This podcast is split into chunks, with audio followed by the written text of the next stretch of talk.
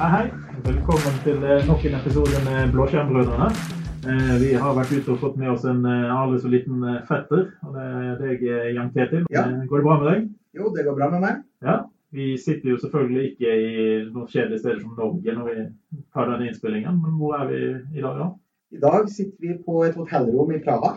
Ja. Vi har vært på to dager på Ignited Tour. Eller jeg har vært på to dager på Ignited Tour. Ja, men jeg har vært en og en halv. Ja. Så jeg sitter her med omtrent en bare bagasjehåndtak igjen av bagasjen min og hatt en ganske rufsete tur for å komme ned hit. Men eh, når man først kom ned, så var det gøy. Ja da. Og masse folk, eh, masse gode spørsmål. Eh, Du hadde jo noen sesjoner. Ja, jeg har hatt en sesjon på hvordan å sikre din Microsoft 365 tenant. Og gå gå på en måte forbi passord. Mm. Eller move beyond passwords, som det tittelen heter. Ja.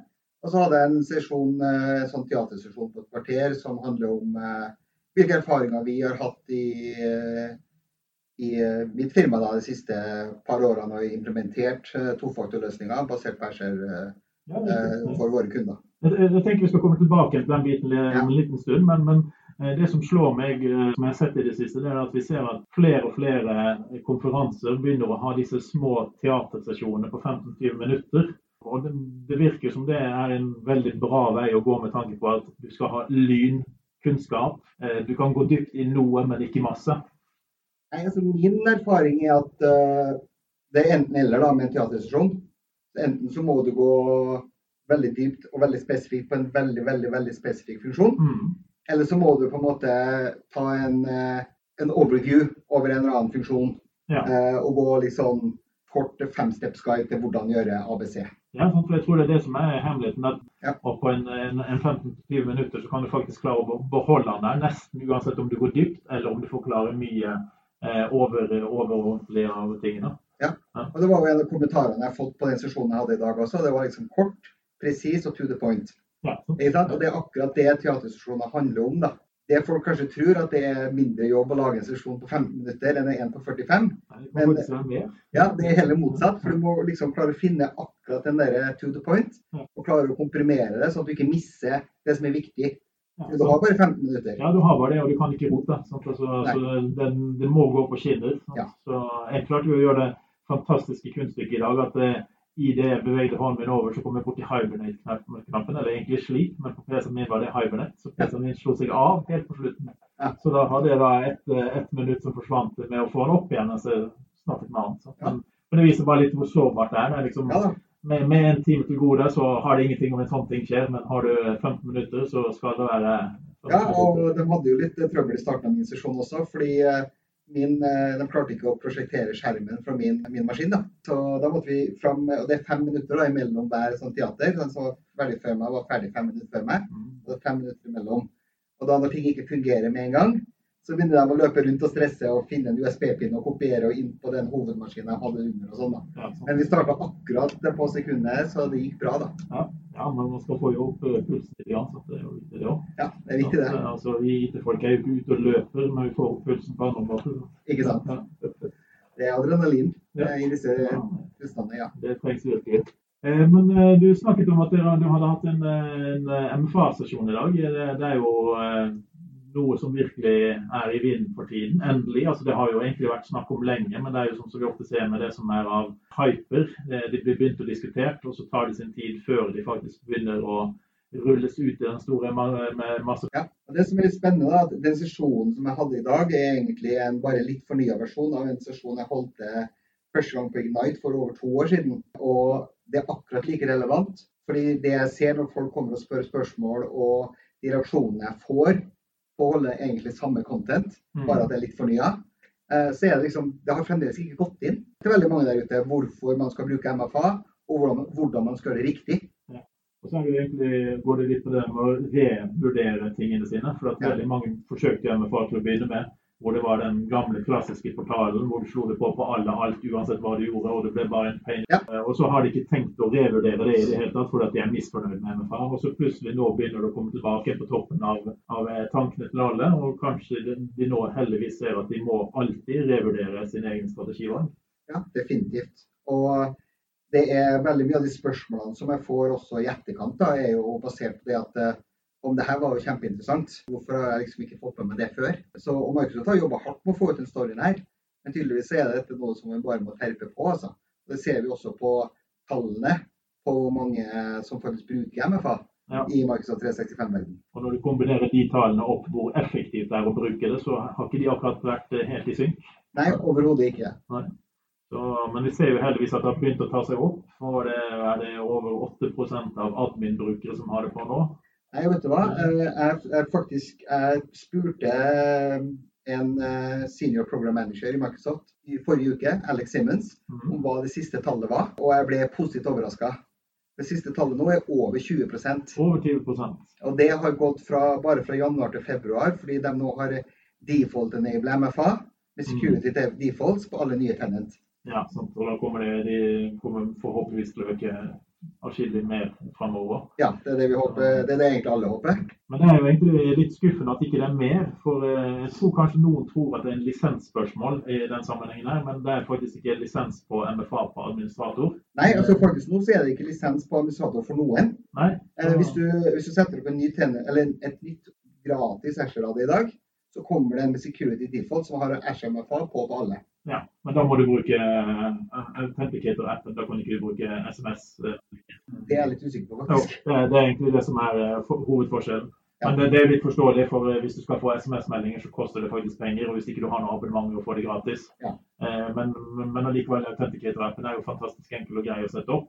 Og det er definitivt den prefererte metoden å kjøre tofaktor på også. Den nye brukeropplevelsen å bruke Authenticator-appen kontra å bruke SMS er jo overlegen. Ja, Og, men der tror jeg igjen kanskje det henger litt tilbake igjen hvis du går til den første versjonen av Authenticator-appen som var ganske pen. Ja. Eh, mens eh, sånn som det er nå, så er det jo helt fantastisk. Altså, du får bare poppe opp en melding, trykke god, godkjenn, og du godkjenner med, det med biometrisk eller Ja. noe, er- noe veldig enkelt. Så, Mm. så, så det er egentlig overraskende at ikke flere bruker det. Så, så nå er det ikke bare administratorene lenger som har det gratis, men det er jo også da absolutt alle kan ta det i bruk. Nå begynner folk å henge seg opp i andre ting, da. Mm. Eh, noen sier ja, men eh, jeg kan ikke tvinge dem til å bruke Microsoft Authenticator. De kan jo bruke Google sin Authenticator. Eh, men det de må misforstå da, er jo at teknologien er jo den samme. Dette er jo en åpen standard, Mm. som er Open OTP Standard, som alle følger. Som du bruker en app fra leverandør A, B eller C til å gjøre selve one time password som du får. da. Ja, du må bare legge til rett og slett. eh, Ja.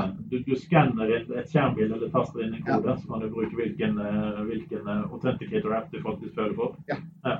Ja, Det gjør jo enda enklere. Mm. Så veldig mange har jo et forhold til en eller annen authenticator-app eh, på, en, på en eller annen måte allerede, så det skal liksom ikke være den store skumle tingen de skal få på plass. Nei.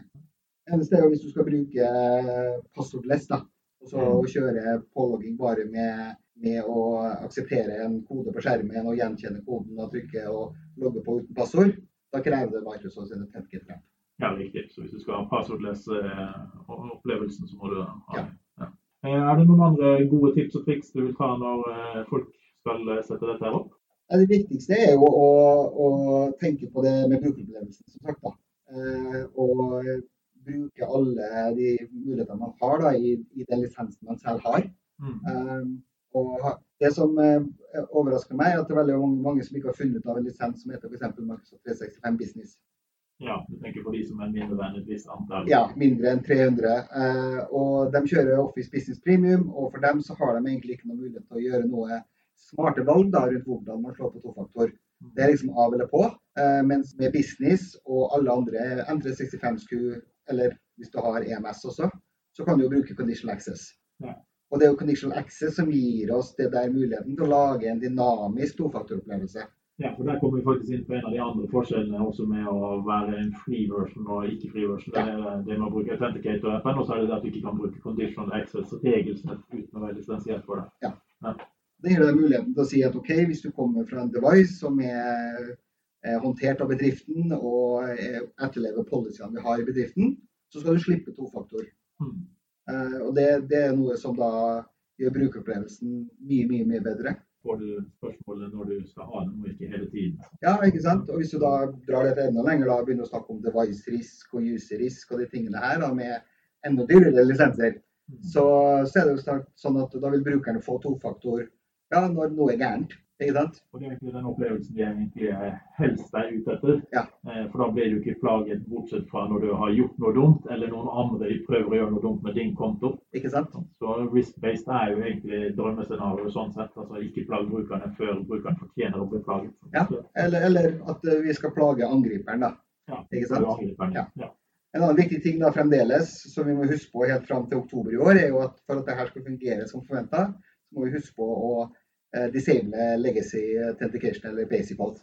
Eller så har du, kan du ha noe omveier rundt, da. Da er det noen bakdører som er fortsatt åpne. Men Ja. du sa oktober. Skjer noe i oktober? Ja, I oktober eh, i år så vil Microsoft disable basic vault i Exchange Online. Så da setter igjen faktisk bakdørene selv. Ja. Så du, man har egentlig fram til nå og tenkt litt at du bør eh, bytte ut noen applikasjoner rundt omkring på devicene dine. Ja. Og så får vi da håpe at Microsoft oppdaterer sine ting til å komme i stand for dette.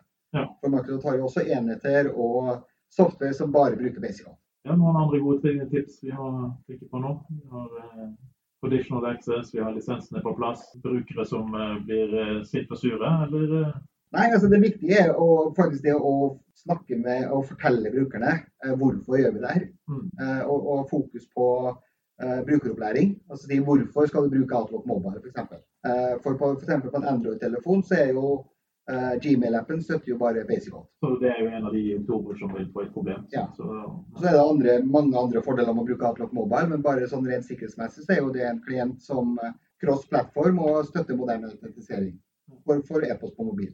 Jeg ser jo det sånn at uh, Nøkkelordet når det gjelder brukere, det er egentlig respekt. Vi Ja. skal respektere brukerne, og så må vi opplyse de på en måte som gjør at de respekterer de tingene som skjer. Ja. Eh, og da er det jo eh, Brukeropplæring er én ting, men også det å motivere dem. Og beste motivasjon er jo faktisk å skjønne hvorfor.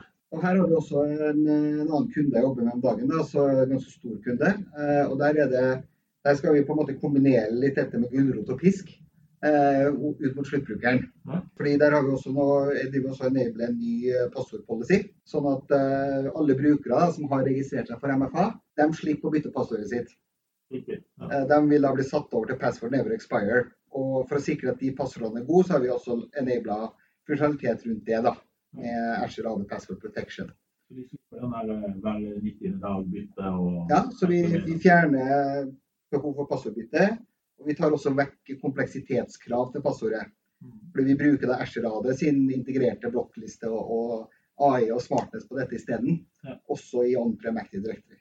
Ja. Da kombinerer vi da, så vil du vel også få beskjed om eh, det har vært lekkasje av identiteten til brukerne. altså brukeren. Og det er, det er forskjellen på den E3 og E5-en. da. Ja. Eh, På E3-en så får du den password protection, mm. eh, men skal du ha user risk da på eh, identity leakage, som det heter, Mm. så må du ha da Azure AD Premium P2 som ligger i E5-SKU. da. Ja. Og det er en ganske viktig eh, kombo når vi begynner å snakke om den, denne type scenarioer hvor du skal gjøre det lettere for brukeren med ikke huske til passord lenger, eller bare ha et veldig enkelt passord som han har husket siden i fjor. Ja. Eh, Så, så det er der kombinasjonen ligger.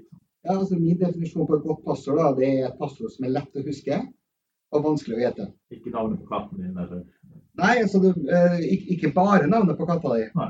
Men det kan være navnet på katta di, eh, katta til naboen din og navnet på senga di og navnet på bilen din. Og Hvis du har kombinert de fire ordene, så er det et passord som kan være lett for deg å huske, men være veldig vanskelig for den andre å gjette. Det er jo også noe de ikke tenker over, at passord må ikke være åtte tegn. Det kan være en kombinasjon av ord, av ting som er bygd opp på en ustrukturert måte, men som er lett for deg å huske. Ja, jeg, jeg, jeg pleier å anbefale folk å si velg fire helt separate ord som ikke har noe med hverandre å gjøre. Og så bruker du de fire ordene, og da har du faktisk et veldig godt passord. Du trenger ikke noe tall eller store eller små bokstaver. Hvis du bruker space imellom disse fire ordene, så blir det bare enda bedre. Det er vanskelig å tippe, men lettere å huske. Ja. Ja, og da kommer jo MFA på toppen, som egentlig sikrer dette her uansett. Ja. Jeg har vært borti scenarioer hvor eh, vi har prøvd å snakke om hva er MFA. eh, Og hvis vi går tilbake to år, så var det sånn at eh, spurte vi deltakerne bruker dere MFA, så var det gjerne på store konferanser så så du at eh, kanskje 10-20 tok opp hånden. Mm. Og så snakket vi med studenter og spurte dem om bruker dere MFA. Hva er MFA? Jo, det er multifaktorautentisering. Å ja, det er det vi har på Steam-kontoen vår. Eh, Og da viste det seg faktisk av, av de ungdommene vi hadde inne, så var eh, sånn 80-90% allerede aktive brukere av teknologien. Men for dem så var ikke det noe de så på som en ting i hverdagen eller noe som helst. Det var bare noe de gjorde for at ikke noen skulle stikke av med tingene deres i Steam-kontoene. da, Ja. altså spill, spillting. Så, så jeg tror at de begynner å se den praktiske bruken, og da får de respekten for det, og de har ikke noe imot å gjøre det. Nei, det er helt riktig. Og vi ser jo fremdeles, dessverre, så er det også sånn at selv om du har et godt passord, da, så er det jo veldig mange angrep som baserer seg på akkurat det å få tak i passordet ditt. Phishing er jo en av disse, ikke sant. Eh, og i et phishing-angrep, hvis du blir utsatt for phishing og blir lurt, da, for å si det sånn, så spiller det egentlig ingen rolle hvor godt passordet ditt var. Nei, for de har jo fått tak i det. Fordi du ga det til dem. Ja, Ikke sant? Du gir dem ikke, det er ikke brute force eller noe sånt. Det er jo rett og slett du som har gitt fra deg hemmelighetene dine. Ja. Og da er det egentlig bare to faktorer som kan hjelpe. Og samme vil jo egentlig være i klassisk overvåkning når du sitter og skriver det på et offentlig sted, hvor dette er ikke å få med seg hva du taster inn på, på PC-en din. Ja. Og Der kommer jo også disse med f.eks. Windows Hello inn i bildet. da. Mm. Hvor du da istedenfor uh, å bruke passordet ditt på PC-en din, så bruker du faktisk en PIN-kode. En Ja. PIN-kode kan være på seks tegn, men den kan du bare bruke der og lokalt. Om noen ser den PIN-koden, så må de faktisk også stjele PC-en din for å kunne bruke det. Ja. Så da har du flere lag av sikkerhet. Ja, dette her, Så det er jo også da multifaktor. Ja. Noe du har, som er PC-en, og noe du vet, som er PIN-koden. Og det Det er ganske stor sjanse for at du vil oppdage at noen stikker av med PC-en din. Ja. Pin- PIN-koden er vanskeligere, men hvis noen har også stukket av med PC-en din, så bør du legge merke til dette på et eller annet tidspunkt. Ja, og da er det greit å ringe noen, Ja. Ja. Og gi beskjed. Eller du kan faktisk gå inn på profilen din i Azure og så kan du faktisk se devicen derfra. Hvis Ja. du har da riktig type Hvis du er en avansert bruker, så, så kan du det. Så kan du det. Hvis du ikke ringer du IT-avdelingen, så Ja. kommer Jan Ketil inn her også, og resetter for det. Ja, eller Ola, da. Du jobber jo faktisk på NIT-avdeling. Ja, jeg. Jeg prøver å unngå å gjøre sånne ting, men eh, det, det er eh, brukeropplæring som er det viktigste. At de skjønner at går det gale, så må de gi beskjed. Eh, og Der kommer også motivasjonen inn. for at eh, Jeg har vært borti noen firmaer som håndterer dette på forskjellige måter. Eh, de har en tendens til å legge skylden på den det har skjedd med. Så hvis noen har vært på et phishing-angrep og fått tak i passordet ditt, og du plutselig begynner å tenke litt, så tenker de nei, kanskje ikke dette her var eh, Sparebanken Vest som ringte. Kanskje det var noen andre som ringte og eh, fikk tak i passordet mitt. Hva skal jeg gjøre? Tenker de nei, jeg vil ikke ringe og si det til IT-avdelingen eller sjefen min, for da får jeg kjeft. Mm. Eh, Så da er det ekstremt viktig at man har en åpenhet som gjør at oi, jeg gjorde noe dumt, la oss ringe med en gang og gi beskjed. Ja. Og så her kan også teknologien hjelpe, da. Ikke Ja. sant? Fordi at eh, det å kunne utstyre sluttbrukere med verktøy for å kunne da fikse opp i dette sjøl, hvis de Mm. syns det er veldig veldig skummelt å ringe, Ja, så kan de faktisk bare gå inn og resette passordet sitt. ja, så er det anonym selv. sant? Ja, Så, ja. ikke? Sant. Så, så er det på en måte kanskje ikke så farlig lenger. Nei. Dessverre, da, selv om vi har snakka om det her i flere år nå, så, så ser vi jo faktisk ikke at uh, antall uh, kompromitterte kontoer går ned, heller opp. Mm. Og det er jo litt skremmende. Så det, det her er fremdeles en beskjed som må ut til verden, føler jeg da. Mm. Ja, men altså, brukerne eh, holdt på å si de er ikke dumme, men eh, man kan av og til være naive. Altså, Ja. Hvis vi tar noe så enkelt som, eh, som Nigeria-scammen, Ja. eh, hvor du får et brev fra en, en kongelig eh, nigeriansk prins eller noe sånt, eh, så er realiteten at de aldri har hatt kongelig der. Det eneste kongelig som har vært der, var når de var underlagt United Kingdom og da var styrt derfra. Så det er faktisk de eneste kongelige som noensinne har vært i, de, i det landet. Eh, Men eh, går vi tilbake til, til 2018, så var det 800 000 dollar som ble sendt inn eh, til skammere der. I 2019 så har det gått opp til 920 000 dollar. Altså En av de virkelig gamle måtene å svindle for folk har fortsatt en økning. Det, det er skummelt. Ja, og, og det, jeg har faktisk fått en sånn sjøl. Og ikke på e-post. Jeg har faktisk fått det som brev i postkassa mi hjemme. Ja. Eh, altså papir, skrevet brev med advokatstempel og hele pakka. Ja, Da må du være ekte. Ja, det må jo være ekte, ikke sant? Men jeg vet jo at det, det her er scam, fordi jeg har hørt om det her så mange ganger. Men jeg forstår at folk kan bli lurt. For de er proff. De er veldig proffe, de er veldig flinke. Jeg, hadde faktisk her For bare et par uker siden så var det en som ringte meg fra Microsoft Support og lurte på om jeg var klar over at jeg hadde virus. Ja. Og jeg begynte å le så godt at han ble forbanna. Han på andre siden så han kalte meg noen virkelig stygge ord og så heiv på røret. Så det var liksom jeg som var the bad guy, Ja, ja. bare for at ikke jeg gikk på uh, lureriet. Ja, de er faktisk eh, Jeg får sånne telefoner sikkert en gang i kvartalet, tenker jeg. Mm. Så jeg har ikke gjort det sjøl, men eh, det, jeg kjenner folk som da har hatt VM klare. Mm. Og slapp dem inn på VM og se liksom hvor mye gærent de faktisk gjør. da, i sandbox. Ja. Eh, og det er ganske interessant, altså. Så, Det, det er skummelt hvordan de driver på fortsatt. Ja. Så, ja. Men egentlig et godt råd der det kan jo være at hvis noen ringer deg og du har mistanke om at det kan være autentisk, altså at de, de skal faktisk snakke med deg, så kan det lureste være å få telefonnummeret, navnet deres, sjekke om nummeret stemmer, og så ringer du dem tilbake igjen. Ikke sant? Så, så vær litt mer eh, forsiktig på den type ting. Ja, men dette gjelder jo flere ting enn bare type Microsoft support scams. Ja, ja. Eh, Det er veldig mye eh, finansielle scams som Mm. foregår, og phishing som foregår på akkurat denne måten. Ja, vi så, vi så jo Telenor-angrepet som var for et par år siden, eh, som var en av de store kryptovirusene som ble spredd i Norge. Mm. Eh, Der var faktisk den fakturaen som ble sendt ut, den var mye proffere enn den Telenor selv sendte ut. Ja. Så du trodde faktisk at de hadde oppgradert systemene sine og endelig klart å sende ut en god, god faktura. Ja. Eh, Det gikk dunken for en del mennesker. Ja. Nei, og, og det siste jeg hørte nå, da, jeg vet ikke om det, det, det, det er kanskje et rykte, da. Det siste jeg hørte nå, er jo at de har begynt å bruke sånn deepfake voice eh, for å etterligne til stemmen da, til en person for en ordentlig spearfishing-angrep. For de da ringte og liksom CEO ringte CFO og ba om å få overført 100 000 til en eller annen konto. Ja, for teknologien er jo der. Altså, Ja. De klarer faktisk å bruke stemmen til nesten hvem som helst. Og er det noen som har penger til den typen ting, så er det jo akkurat disse firmaene her. Ja. Så, så de har eh, support, og de har eh, god support til de som kjøper angrepene. Ja. det er viktig å ha interne rutiner og på alle disse tingene som berører pengeoverføringer spesielt. Mm. Eh, Det er jo firma, små firmaer i Norge også som har gått konken, basert på sånne type phishing-angrep og spearfishing som de har gått på. Ja. Eh, hvordan da, og typisk skjer det i ferietid, ikke sant? når noen folk ikke er til stede. Eh, og de utnytter da at det kanskje er noen andre som sitter der enn den som kjører der og ikke kanskje kan alle prosedyrene. Mm. Eh, og da, da går det liksom ikke an å skylde på, på IT-leverandøren heller. Eh, fordi det er jo du som har blitt lurt av noe og ikke har fulgt kanskje de interne prosedyrene dine. Da. Ja, altså du, vil, du tenker du vil ikke forstyrre eh, sjefen. Du tenker han er på ferie og han er Ja. kjipt nå forstyrret han fire ganger i går. Ja. Så vil han være denne gangen. Så det Ja. måtte er vel at forstyrre sjefen allikevel. Ja. Ja, jeg tror sjefen vil sette pris på det. Eh, at du tar kontroll på disse tingene. Det, det er altfor mye som foregår i det der. Og det, det, det er to ting de er ute etter ofte. Det Enten så er det passordet ditt, Mm. eller så er det pengene dine. Og realiteten er vel at det er aldri akutt behov for å overføre penger til noen som helst. Sånn som hvis noen ringer og sier ja, dette må skje nå, eh, dette her er fra den og den avdelingen, vi må få pengene ut innenfor en time, hvis ikke så går bla, bla, bla. Ja. Det jo, de, de spiller litt på frykt og lager press, Ja. eh, men realiteten er jo det at det er veldig sjelden at tingene må foregå i det tempoet. Ja, og det, det er jo en kjent teknikk, da, og det er jo akkurat det som på en måte kanskje folk kan prøve å legge seg bak øret òg. Er hvis du får en type e-post som ser ut som er fra sjefen din, Mm. Hvor du føler at det liksom, det her er et unormalt tidspress som ikke er vanlig, så ta den telefonen og spør sjefen om er det her riktig.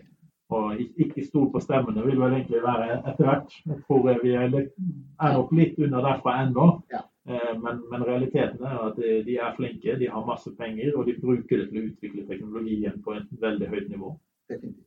Eh, Vi pleier å alltid avslutte med et eh, siste spørsmål, og tenkte vi skulle stille det til deg også.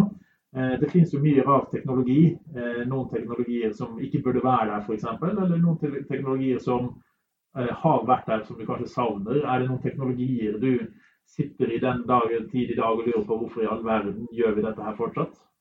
Ja, Det første som slår meg der, da, det er faktisk hvorfor folk fremdeles sitter på hustelefoner hjemme i hjemmene sine. Ja, har du hustelefon hjemme? Nei, det har jeg ikke hatt på Jeg tror jeg ikke har hatt hustelefon ja, siden jeg måtte ha modem faktisk for å ringe opp. Mm. Eh, så hadde jeg ISDN-linje.